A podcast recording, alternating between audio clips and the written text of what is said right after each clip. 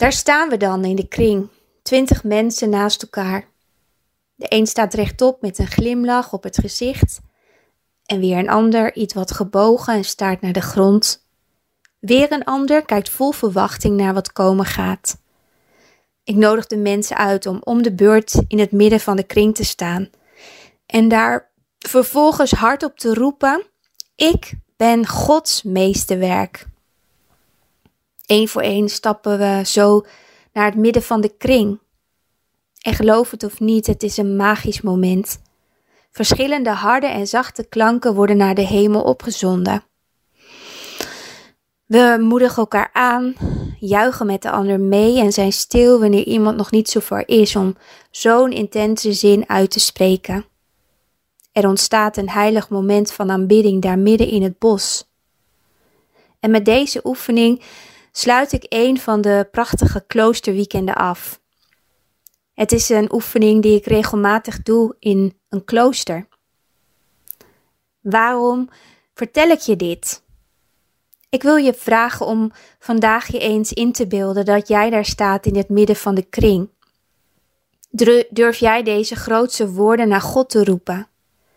Heb jij de vrijmoedigheid om in het openbaar te zeggen: Ik ben Gods meesterwerk? Broers, zussen, ik wil je aanmoedigen om deze woorden de aankomende tijd iedere dag hardop uit te spreken, want herhaling blijkt vaak de enige echte remedie tegen het vergeten. Als je iets maar vaak genoeg tegen jezelf zegt, ben je meer gefocust op die overtuiging. Misschien krijg je jeuk bij deze oefening.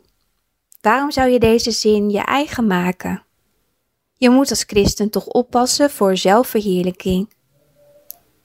Als je de kriebels krijgt van deze oefening, broers en zussen, wil ik eigenlijk nog dringender tegen je zeggen: je bent Gods meesterwerk. Het staat geschreven in de Bijbel.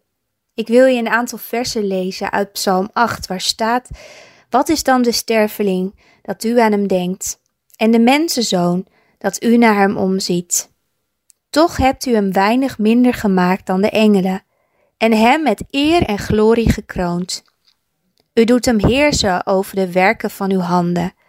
U hebt alles onder zijn voeten gelegd. Je kunt er toch haast niet omheen, om deze versen. En zo, broers en zussen, is het goed en nodig om een juist godsbeeld te hebben.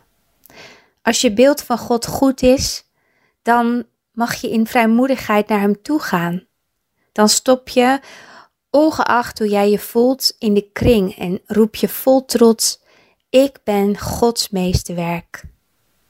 God wil graag vertrouwelijk met jou omgaan, staat er in Psalm 25, vers 14.